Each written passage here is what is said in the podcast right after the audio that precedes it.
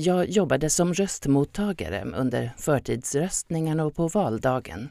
Intressant och kul. Valet kändes äntligen viktigt. Jag har blivit övertygad om värdet av vår allmänna rösträtt och åtminstone inbillat mig att människorna som köat för att få rösta verkligen gör det för att de tänkt och bestämt sig och att deras uppfattning inte bör ignoreras. De vill och ska få vara med och lägga sin lilla åsikt till det samlade beslutsunderlaget. Nu minns jag inte vem det var som berättade att hen tappat tron på väljarnas kompetens att välja sina företrädare efter tjänstgöring under valet. Jag vill säga tvärtom. Att sen alla inte har koll på att gula valsedlar är för riksdagen, vita för kommun och blå för region, att man bara får lägga en valsedel i varje kuvert, inte får vika, måste stänga kuvertet, skillnaden mellan valsedlar med bara partinamn och de med personnamn, tycker jag ändå inte omyndigförklarar dem som väljare. Emellanåt skymtade jag röstsedlarna som folk valt och visst gläds jag mer åt att se en skymt av V eller MP än åt SD eller KD, men jag blev ändå förvånansvärt oprovocerad. Det känns som att jag förstår och respekterar, banne mig. Och det gör mig stolt. Jag är anhängare av vårt demokratiska system.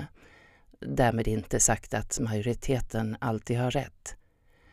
Och så tyckte jag mig notera att sådana som plockat SD-valsedlar utan att försöka gömma dem har ett liksom aggressivt uttryck med vad jag tolkar som negativt förutfattade meningar om sina medmänniskor.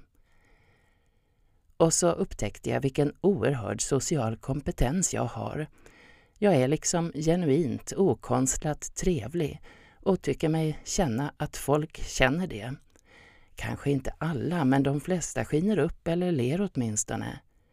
Klart nu, frågar många när de fått tillbaka sitt lägg och vi stoppat deras kuvert i vårt förtidsröstkuvert. Men då säger vi att de ska se oss lägga deras kuvert i urnan.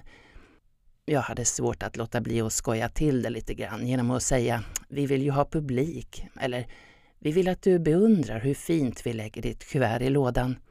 Men när jag förklarade det med att vi inte vill ge inspiration till några fake news sa vår mest erfarne medarbetare åt mig att inte skämta så. Det riskerar att få samma effekt som när man säger åt någon att inte tänka på en rosa elefant. Ja, jag får erkänna att jag rent av skämtade vid ytterligare tillfällen men på ett opolitiskt sätt som inte borde kunna väcka misstankar om oegentligheter bland valfunktionärerna. Jag måste ibland bita mig i tungan för att inte vara oseriös där i röstlokalen. Så många puddingar. Jag sneglar på deras födelseår och har svårt att låta bli att flörta. Men att ge en komplimang för ett vackert namn, en ovanlig stavning, ett vackert smycke eller blus måste väl ändå vara okej. Okay. Och naturligtvis att kommentera någons ovanligt gulliga barn. Med tanke på min tidigare självbild, som jag ju nämnt här i podden förut, av att aldrig skämta, så var detta faktiskt en upplyftande insikt. Jag är en socialt kompetent skämtare. Slutligen på valdagen tjänstgjorde jag på Lundbybadet, distrikt 0924 Rambergsvallen, prickade av folk i röstlängden och fick säga det högtidliga en gul, en vit, en blå som en västanfläkt jämfört med förtidsröstningen. En lång rast på två och en halv timme, en på en timme och en halvtimme. Fast man jobbade från sju på morgonen tills rösterna var räknade, fram emot midnatt i vårt fall. En grabb i lågstadieåldern kom med sin pappa och överräckte sin röstsedel till oss där han skrivit Godispartiet. Det återfanns dessvärre inte på listorna över anmälda partier till söndagens val han får se till att registrera det i tid till nästa. Några höjdpunkter från listorna över dessa anmälda partier. Ja, en brasklapp. Ett roligt eller skenbart sympatiskt namn innebär kanske inte automatiskt ett sympatiskt partiprogram. Jag har inte gjort närmare research. Det minst dåliga partiet. Fattigmans parti.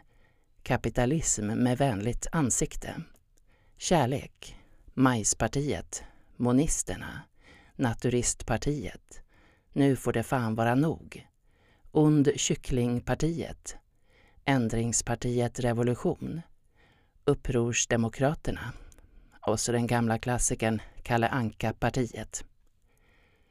På väg tillbaka efter min långrast lyssnade jag på min långa spellista på shuffle. Sista två låtarna innan jag var framme blev Anarchy in the UK och Briggen Bluebird of Hull. Jag kan inte undgå att tolka det symboliskt. Men kanske börja först räkna ut vilken procentandel av spellistans låtar som går att tolka dystopiskt. Valet blev så konkret och liksom greppbart när vi satt där och räknade valsedlarna tillsammans runt ett bord. Räknade om ifall det inte stämde och jublade när det blev rätt. Strax före midnatt var jag hemma igen efter väl förrättat val. Och resultatet är klart nu. Mina slumpvalda dystopiska låtar pekade i rätt riktning.